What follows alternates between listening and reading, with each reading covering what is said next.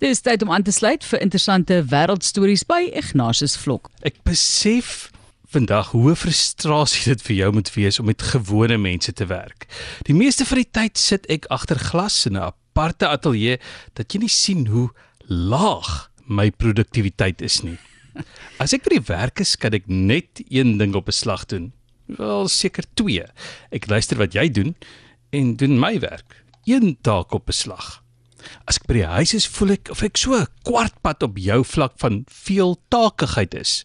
As die wasmasjien en die skottelgoedwasser was, die radio aan is en ek besig is met werk werk.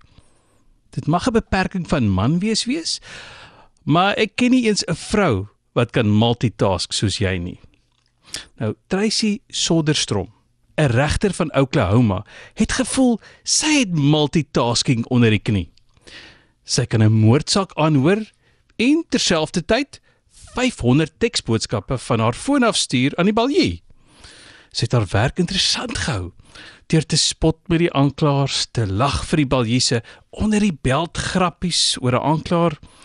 Sy vra vir die baljie of sy mag hande klap vir die verdediging se prokureur wie sy dink ongelooflik is. Op die ou end is die beskuldigde skuldig bevind aan tweede graadse manslag na die dood van sy meisie se 2-jarige. Regter Tracy het ook skuldig gevoel toe sy uitgevang is oor haar skermtyd terwyl die verdediging skerm om hulle kliënt uit die tronk te hou. Sy het besluit die regte ding vir haar as regter om te doen is om te bedank.